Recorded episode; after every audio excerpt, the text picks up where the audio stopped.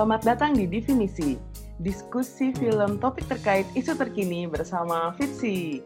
Masih edisi juri, kali ini saya, Tika, akan ngobrol bersama Mendy Marahimin, produser film Indonesia yang di tahun ini menjadi salah satu judges dari Fitsi Juri di Filipina. Bersama Mbak Mendy, kita akan membahas secara umum tentang sinema di negara tetangga, tepatnya film-film Asia Tenggara. Hmm, jadi bertanya-tanya, apakah di antara pendengar definisi ada yang sudah pernah menonton film dari negara Asia Tenggara lainnya? Jawabannya silahkan disimpan sendiri, karena setelah ini mungkin yang belum pernah jadi tertarik untuk mengeksplor film-film dari negara tetangga ini ya. Untuk sekarang, yuk kita ikuti obrolan bersama Mendy Marahimin berikut ini.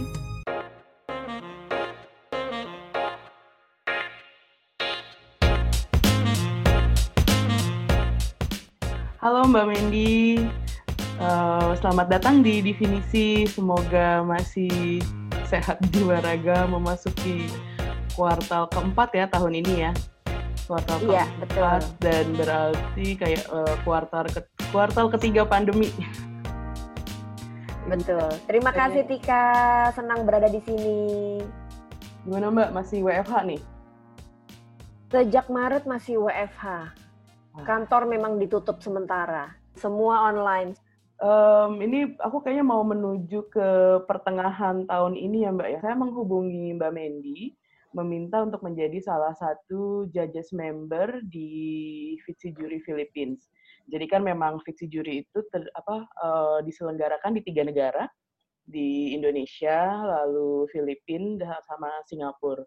Um, waktu itu waktu saya minta Mbak Mendy untuk jadi salah satu judges untuk yang Filipina tuh kayak cepet banget jawabnya. Itu bisa cerita nggak sih mengapa hal itu menarik untuk Mbak Mendy dan mungkin kayak setelah menjalani apakah benar menarik? Oke, jadi kenapa cepet banget menjawabnya? Pertama karena sebenarnya saya penggemar film-film Filipina. Oh, Jadi kebetulan memang uh, sejak beberapa tahun yang lalu saya selalu mengikuti film-film teman-teman saya di Filipina. Awalnya nggak kenal, awalnya nggak kenal. Hmm. Awalnya kenal lewat teman yang lain, terus uh, sempat datang ke Filipina untuk menon untuk ikut untuk ikut menonton festival film mereka. Dan di situ saya kagum, terkagum-kagum. Karena menurut saya mereka berhasil membuat bahasa sinema yang sangat uh, unik Filipina dan kita bisa merasakan budayanya yang sangat kuat. Dan cerita-ceritanya sangat sangat out of the box gitu, sesuatu yang saya merasa tidak mendapatkan di film-film negara-negara lain. Jadi ketika ada tawaran dari Fitsi untuk menjadi juri di Filipina, tentunya saya langsung uh, setuju gitu. Karena uh, kapan lagi punya kesempatan menonton 10 film pendek dari talenta-talenta baru Filipina menurut saya ini kesempatan yang sangat langka. Dan selama pengalamannya, saya merasa sangat senang karena menonton 10 film ini uh, memberikan saya perspektif yang lebih segar lagi tentang budaya Filipina kontemporer. Karena pembuat filmnya kan ini emerging semua ya, masih baru-baru ya, uh, dan masih muda-muda. Hmm. Jadi saya melihat perspektif yang sekali lagi perspektif yang berbeda gitu dari film-film yang dibuat oleh teman-teman yang menjadi nominasi di Fitsi Juri Filipina ini. Beberapa film menurut saya berhasil mengangkat tema yang sangat kontekstual. Eh, beberapa film lagi berhasil menampilkan production value yang sangat baik dan ini mengagumkan mengingat kondisi pembuatan film pendek yang penuh keterbatasan. Hmm. Apalagi saya tahu Filipina itu budget filmnya kecil-kecil banget hmm. dibandingkan negara-negara lain budgetnya kecil-kecil banget jadi mengagumkan mereka bisa achieve production value seperti itu. Hmm. Tapi yang menarik adalah ada juga film-film yang berusaha mengeksplorasi bahasa visual yang baru dengan gaya yang sangat kuat gitu. Uh, film-film okay. ini yang kemudian menjadi perhatian khusus dari para juri dan akhirnya memenangkan uh, Fitsi Juri Filipina tahun 2020. Hmm. Tapi ada... semua dimulai dari kecintaan saya terhadap film-film Filipina. Oke, ada film favorit nggak sih mbak dari 10 itu? Ini menang nggak menang juga nggak apa-apa kok. oh, film favorit sebenarnya uh, dua yang menang itu The Boy Who Bleeds mm-hmm. sama uh, Day of Danger. Itu saya suka banget. Oh, okay. Karena mereka bisa menampilkan layer-layer konflik dan layer-layer isu yang yang berlapis-lapis gitu, tidak mm-hmm. singular sehingga kita menontonnya berkali-kali mendapatkan pemahaman yang baru. Untungnya ke 10 film itu bisa ditonton di Fitsi, jadi silahkan teman-teman cek channel Fitsi Juri Philippines untuk lebih lengkapnya, mencari tahu seperti apa sih film-film yang kemarin Mbak Mendy tonton dan juga apa ya, ya menjadi, menilai film-film ke 10 film itu. Nah, ini menyinggung tadi Mbak Mendy soal suka banget nonton film-film dari Filipina. Secara spesifik uh, saya mau uh, ini deh mau membawa ke tahun 2016. Saya inget banget tuh 2016. Uh, Mbak Mendy waktu itu Mbak Mendy bersama Bang John Badalu sama Mbak Prima Rusdi ya itu menginisiasi program menonton film-film dari Thailand dan Filipina judulnya Know Your Neighbor ya kan saya ingat itu di Jakarta sama di Jogja gitu nah Ya. Ini tadi apakah masih karena kecintaan dengan film-film dari negara lain? Gitu. Ini kan Filipina. Uh, jadi awalnya memang ketika saya ke Filipina, saya lupa tahun 2014 atau 2015, uh -huh. itu untuk festival film yang namanya Cinema One, itu festival film di mana ada sebuah stasiun televisi memberikan grant untuk produksi ke eh, 10 film kalau nggak salah ke 10 film. Kemudian 10 film yang dibuat ini dipremierkan di festival itu. Hmm. nah saya diundang oleh John Badalu untuk ikut bersama dia melihat film-filmnya seperti apa. Ketika saya tiba di sana dan nonton tuh benar-benar saya blown away gitu sama film-filmnya. Apalagi ketika saya tahu berapa budget yang diberikan dan waktu yang diberikan untuk membuat film-film ini. Menurut saya mereka bisa mengatasi eh, keterbatasan itu dengan cara-cara yang sangat cerdas dan kreatif. Hmm. Nah, ini membuat saya jadi penasaran dengan film-film Asia Tenggara lainnya gitu karena saya merasa oke, okay, saya nonton banyak banget film Amerika dan Eropa gitu. Yeah. Tapi saya tuh punya tetangga-tetangga loh, masa saya nggak kenal sama tetangga saya sendiri mm -hmm. gitu. Akhirnya saya mengobrol sama John dan Prima dan kita sepakat oke okay, yuk kita bikin yuk festival yang namanya Know Your Neighbors di mana kita mengajak orang-orang menonton film-film dari negara tetangga. Mm-hmm. Waktu itu karena John Badalu adalah seorang kurator untuk Berlin Film Festival dan beberapa festival lain, dia sudah punya beberapa film yang ada dalam bayangan dia bisa ditayangkan. Udah ada daftarnya tuh ya? Sudah ada daftarnya. nah, kemudian dari situ kita memilih beberapa film dan kebetulan yang masuk adalah Filipina dan Thailand. Mm-hmm. gitu karena waktu itu film dari negara-negara lain belum terlalu banyak. Mm-hmm. Nah formatnya adalah kita engage dengan satu filmmaker Indonesia mm-hmm. uh, untuk menjadi semacam penanggap Moderator, dari ya, film penanggap. yang diputar, mm-hmm. penanggap gitu. Jadi mereka menonton filmnya, Kemudian setelah orang-orang yang nonton filmnya itu nonton film itu, si penanggap ini maju ke depan dan berbicara soal apa aspek-aspek yang menarik dan positif dari di, yang dia lihat dalam film itu yang bisa kita pelajari bersama sebagai filmmaker gitu. Jadi memang dari awal uh, intinya adalah pertukaran budaya. Okay. Dan ini memang uh, menjadi salah satu concern saya karena saya merasa saya waktu itu kenal dengan beberapa filmmaker gitu, tapi bukan dari Asia Tenggara, filmmaker internasional, tapi bukan dari Asia Tenggara. Dan saya ingin hmm. mengenal lebih jauh tetangga-tetangga saya, gitu. Karena saya merasa ini ada kesamaan uh, budaya, ada kesamaan infrastruktur film yang kita punya di negara, hmm. ada kesamaan dari sisi sensor. Kenapa kita tidak berjejaring gitu? Mungkin kalau kita maju sebagai satu region, uh, itu kita bisa maju lebih cepat gitu. Oke, maju ini berarti uh, lebih kepada apa namanya?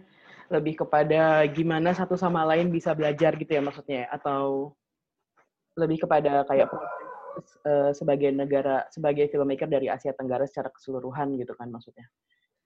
Betul. Jadi bagaimana supaya kita bisa saling belajar, bagaimana saling memanfaatkan kekuatan dan kelemahan masing-masing, hmm. dan juga kalau di pasar film internasional sebenarnya semakin naik satu region, hmm. misalnya film film film Indonesia tiba-tiba jadi on demand di festival-festival internasional. Mm-hmm. Orang-orang akan tertarik mencari film-film Asia tidak hanya dari Indonesia, oh, okay. tapi juga film-film yang sama dari regionnya gitu. Tapi film-film oh. yang dari Asia Tenggara gitu. Sehingga kalau bisa maju dan naik sama-sama, ini lebih menguntungkan gitu. Oh, gitu ya ternyata ya. Ya, apa namanya mungkin karena dianggap bahwa secara geografis berdekatan gitu kali ya. Padahal uh, mungkin dari segi perkembangan sebuah negara atau bentuk negaranya kan juga beda ya. Ada yang kerajaan, presidensial kayak gitu-gitu. Betul, tapi memang kita terbiasa melihat negara-negara ini sebagai region. Misalnya oh. film-film uh, Eropa gitu walaupun kita tahu Eropa ada banyak negara, yeah, yeah, tapi yeah. begitu kita hook dengan satu film Prancis, kita pengen lihat juga film Inggris, kita pengen lihat juga film Cekoslovakia, film Rusia gitu. Yeah. Jadi ada unsur itunya gitu. Tapi waktu itu memang apa namanya uh, program menonton uh, dari dari sisi penonton yang akhirnya menonton itu feedbacknya gimana Mbak? Ada ini nggak feedback yang menarik mungkin? Feedbacknya terus terang sangat positif karena banyak dari penonton memang belum pernah nonton film Asia Tenggara. Soalnya aksesnya dari mana? Dan ini kan juga unik gitu. Kita punya akses kepada film-film Hollywood melalui bioskop. Mhm. Kita punya akses kepada film-film Eropa melalui festival-festival film Eropa yang ada di Indonesia gitu. Tapi film Asia Tenggara sendiri, teman-teman yang dekat sama kita sendiri, aksesnya dari mana? Kita nggak punya akses dan kita tidak punya pengetahuan mereka bikin film seperti apa karena kita tidak pernah menontonnya gitu. Hmm. Jadi ketika kita menyelenggarakan Know Your Neighbors, orang-orang itu uh, terkejut dan seneng gitu. Wah ternyata hmm. film-film negara-negara tetangga kita tuh maju-maju ya.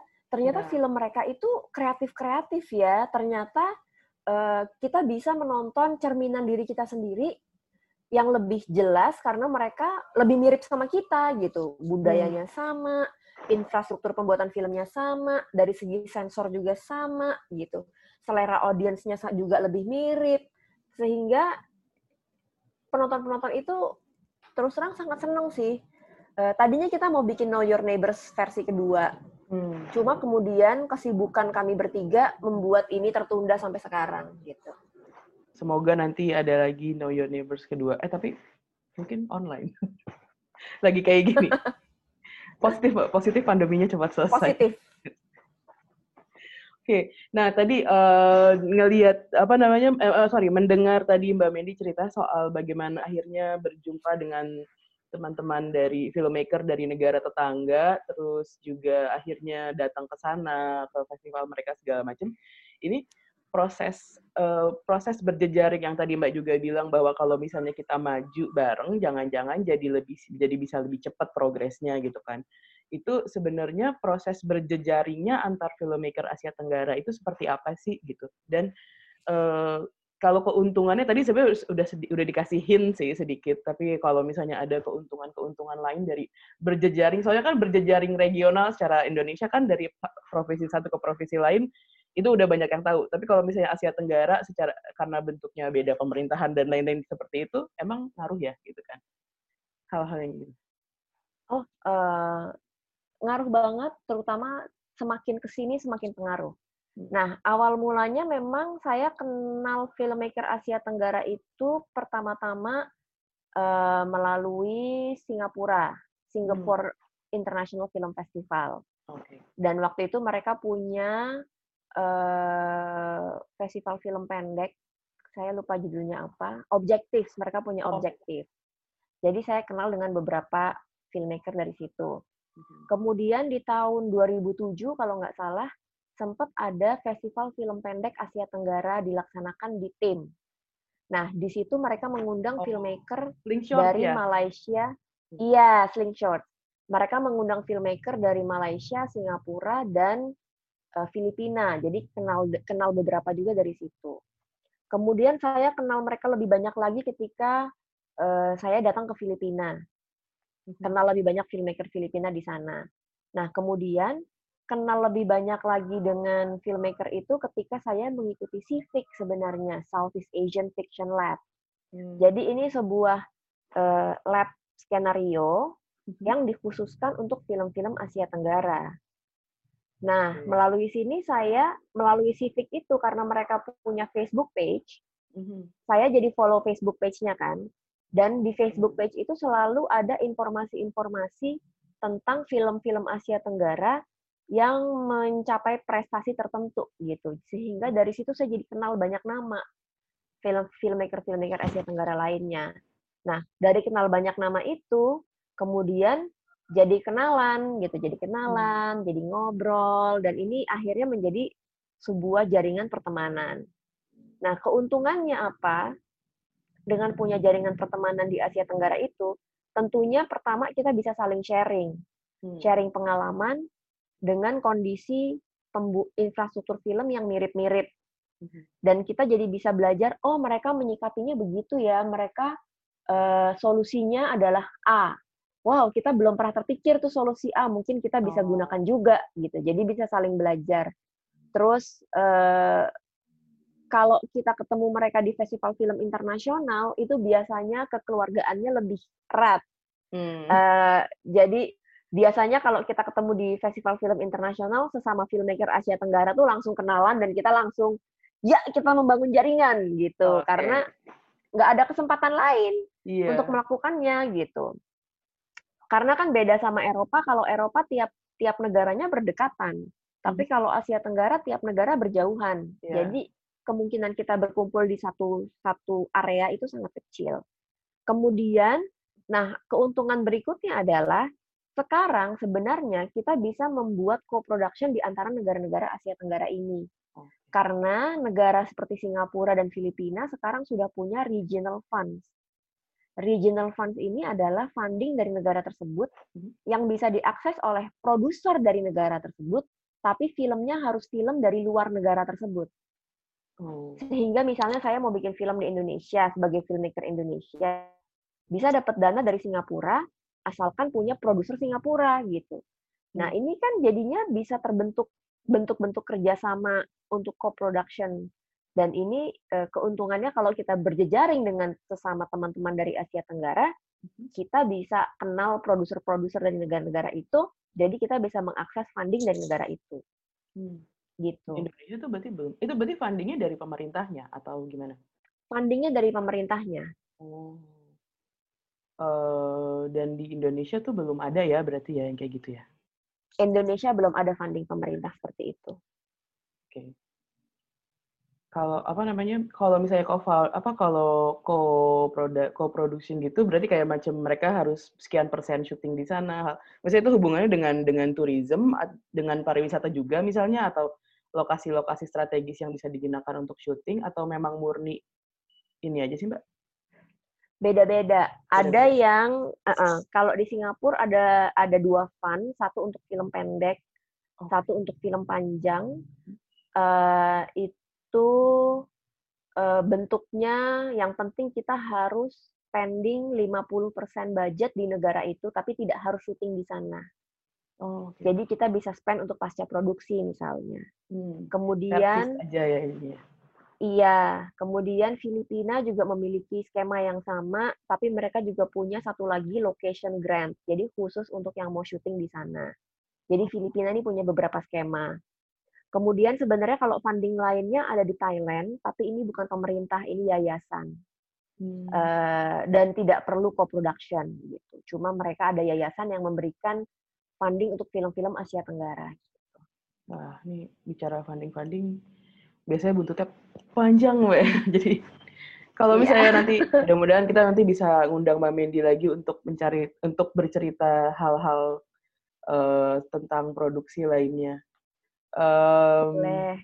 Ya, ini sekarang kalau misalnya melihat kan kalau apa namanya slogan bukan slogan tapi kayak uh, mitos yang biasanya didengar itu rumput tetangga biasanya jauh lebih hijau gitu kan. Uh -uh. Nah, kalau sebagai seorang pembuat film, uh, melihat kondisi-kondisi di negara Asia Tenggara lainnya, um, ada nggak sih tempat di mana menurut Mbak Mendy ini rumputnya lebih hijau tik kayak uh, sebagai filmmaker ini lebih baik untuk tinggal di, di di tempat yang seperti ini gitu. Ada nggak sih Mbak di Asia Tenggara? Apa nasib kita nah, sama misalnya? Sebenarnya nasib kita semua sama. Asia Tenggara itu negara-negaranya walaupun kita terpisah jauh, mhm. walaupun jenis pemerintahannya beda-beda, mhm. walaupun negara eh, walaupun bahasanya beda-beda, Hmm. Tapi sebenarnya situasinya sangat mirip. Bahkan sebenarnya kalau mesti melihat dari sisi sehat tidaknya industri, menurut saya Indonesia paling sehat. Oh, gitu. Secara industri ya. Yeah. Secara industri jumlah penonton di bioskopnya tuh Indonesia paling sehat. Hmm. Tapi memang kalau kita bicara soal film-film uh, yang bicara kepada audiens internasional, film-film yang diedarkan secara internasional, maka Indonesia adalah salah satu negara yang tidak beruntung. Pertama, karena tidak adanya funding pemerintah. Oh, oke. Okay. Sehingga kalau saya harus memilih, misalnya nih, nggak boleh tinggal di Indonesia, harus pilih negara lain, Asia Tenggara di mana gitu. Tentunya saya akan pilih Filipina. Pertama, karena saya suka film-filmnya. Yeah. Kedua, dari sisi sensor itu sedikit lebih terbuka dari Indonesia, walaupun hanya sedikit lebih terbuka. Uh, kemudian mereka sekarang punya beberapa regional fund. Hmm. Dan yang paling membuat saya kagum di Filipina itu adalah filmmakernya kompak-kompak banget. Ketika saya mengenal mereka tuh mereka semua benar-benar saling kenal dan saling dukung dan mereka semua sangat aktif menyuarakan hak-hak mereka kepada pemerintah. Mereka selalu berjejaring, selalu berorganisasi dan ini mengagumkan sih menurut saya. Selain itu, Filipina dibanding negara-negara lain di Asia Tenggara adalah film yang positioningnya paling kuat di dunia internasional saat ini. Hmm. Sehingga kalau kita ngomong film Asia Tenggara, pasti pertama-tama di dunia internasional itu yang dicari Filipina gitu. Oh. Jadi ini menguntungkan dari sisi itu. Jadi kalau saya harus pilih, ya pilih Filipina. Filipina. Oke, mudah-mudahan di Indonesia bisa ada cepat production grant dari uh, production grant dari pemerintah mungkin. Amin, semoga ya ampun karena dibutuhkan sekali ya. Oh tapi tapi aku juga baru tahu uh, bahwa ternyata itu itu berpengaruh ya, maksudnya dalam artian itu juga berpengaruh ke posisi uh, film Indonesia di internasional gitu, maksudnya uh, kedudukan bahwa itu disupport pemerintah dan lain-lain itu. Sebenarnya tidak bukan begitu sih, bukannya karena ada support pemerintah posisinya jadi lebih baik, tapi hmm. kalau kita mau membuat film yang tidak komersial, hmm. film yang tujuannya untuk didistribusikan secara internasional, hmm. maka akan sangat sulit mendapatkan pendanaan dari dalam negeri dalam bentuk investasi kan? Iya betul. Sehingga jalan salah satu-satunya adalah mendapatkan funding. Mhm. Nah, funding ini sebenarnya kita bisa dapatkan dari luar negeri. Hmm. Cuma funding luar negeri itu biasanya akan lebih melirik kepada film kita hmm. Kalau kita sudah punya funding duluan. Hmm. Jadi kita tidak berangkat dari nol. Nah, funding duluan ini yang biasanya oleh filmmaker-filmmaker negara-negara lain diisi oleh funding dari dalam negeri mereka yang biasanya oleh pemerintah salah satu ini. Biasanya oleh pemerintah salah satunya gitu. Uh, terima kasih Mbak Mendy. Itu sebenarnya tadi udah pertanyaan terakhir, makin makin makin seru nih sebenarnya nih. Nanti abis ini kita ada chapter kedua deh. Soalnya banyak banget kalau mau ngomongin soal kalau mau ngomongin soal apa situasi situasi situasi produksi film di luar uh, itu mungkin kayak apa ya di luar produksi itu sendiri sebenarnya ada banyak hal yang menentukan gitu kan faktor eksternal. Yeah. Iya. Ini pertanyaan terakhir Mbak, apa sih yang menarik ketika menonton film film-film Asia Tenggara itu? Kalau kita menonton film-film Asia Tenggara, pertama sebenarnya menurut saya ini menumbuhkan semangat kekompakan bersama tetangga. Sama aja kalau kita di rumah, hmm. kalau kita nggak kenal tetangga, kalau kita nggak kompak sama tetangga, hmm. itu posisi kita sebenarnya lebih lemah. Kenapa? Kalau ada sesuatu dengan rumah kita, yang bisa bantu siapa? Pasti kan tetangga. Gitu. Hmm. Jadi kekompakan antara antara negara-negara yang dekat ini menurut saya justru memperkuat diri kita. Selain itu, kalau kita kita harus sadari bahwa penonton itu berbeda-beda kan di tiap negara. Kalau kita hanya mengakses film Hollywood dan film Eropa, kemudian kita tidak melihat ke dalam diri kita sendiri atau melihat kepada teman-teman di dekat kita, yeah. maka bahasa film kita menjadi bukan bahasa yang otentik dari negara kita gitu. Tapi kalau kita bisa bercermin dari tetangga-tetangga kita yang lebih dekat, maka kita bisa melihat bahwa bahasa film itu ragamnya luar biasa. Hmm. Luar biasa, tidak singular, tidak hanya Hollywood, tidak hanya Eropa, tapi bahkan teman-teman kita sendiri pun yang dekat dengan kita itu memiliki bahasa film yang yang sangat ekstensif gitu, yang bisa kita pelajari. Hmm. Keuntungannya itu sih menurut saya dari sisi penonton. Hmm. Jadi uh, sama seperti jangan-jangan sama seperti ini kali ya uh, bentuk makanan di asup apa jadi makanan ya udahlah ya itu paling simpel kan. Kalau misalnya makanan itu bisa ada kemiripan di satu region kayak kita sama kita sama Malaysia atau Singapura atau kayaknya sebagian dari Filipina juga itu bisa sama rasanya jangan-jangan produk-produk lainnya apalagi produk-produk kesenian juga sebenarnya seperti itu ya. Betul, Betul. Ya, Dan ya. ya lebih menyedihkan lagi kan sebenarnya kalau kayak di hmm, Eropa mereka punya kerjasama untuk distribusi kan. Mm-hmm. Tapi kalau di kalau di Asia Tenggara tuh kita tidak punya kerjasama distribusi gitu, kecuali Indonesia dengan Malaysia misalnya karena film kita sering ada di Malaysia. Tapi film kita tidak bisa diakses oleh teman-teman kita di Singapura misalnya, kecuali lewat festival film atau teman-teman kita di Thailand misalnya. Dan kita juga tidak bisa mengakses film-film mereka gitu. Padahal secara jarak kita deket nih, tapi kenapa itu tidak ada? Kenapa infrastruktur itu tidak ada gitu? Tapi sekarang mungkin juga jadi berubah ya setelah uh, Netflix ya Mbak ya? Setelah Netflix lumayan, iya hmm. setelah Netflix lumayan.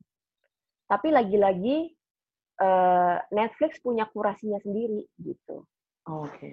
Punya style-style film tertentu. Oh, ya. Kalau kita udah banyak nonton Netflix, kita tahu bahwa Netflix punya gaya film tertentu yang memang dia arahnya ke sana gitu. Hmm. Tapi masih ada banyak lagi yang lain yang bisa sebenarnya bisa kita bisa kita kita bisa tenggelam di dalamnya dan dan melihat semua keragaman ini gitu. Hmm. Oke. Okay. Jadi itu tadi apa namanya um, sebenarnya sih online platform itu jadi mau nggak mau salah satu cara, tapi ya sebenarnya ya sama seperti Fitsi juga yang memiliki kurasinya sendiri dan jangan-jangan uh, masih banyak harta karun film-film lainnya yang harus ditonton gitu kan. Betul, betul. Kalau Apalagi kalau kita khusus bicara, kalau kita ya. khusus bicara Netflix, library mereka kan sangat ekstensif. Betul. Sehingga sebenarnya menemukan film di sana itu tidak mudah kecuali sama mereka di feature. Di feature. Tapi ya. kalau sama mereka tidak di feature, menemukan film di sana tidak mudah kalau kita tidak tahu judulnya. Kalau kita tahu judulnya kita nyari apa, kita bisa search. Mm-hmm. Tapi mendapatkan informasi judulnya apa itu kan yang problem. Ya. Terima kasih Mbak Mendy uh, sudah mampir ke definisi. Semoga setelah ini kita masih bisa ngobrol-ngobrol lagi. Karena kalau sama Mbak Mendy nguliknya banyak sebenarnya. kita apa namanya kita sambung lagi di masa mendatang. Oke, terima kasih. Terima kasih. Bye. Dah.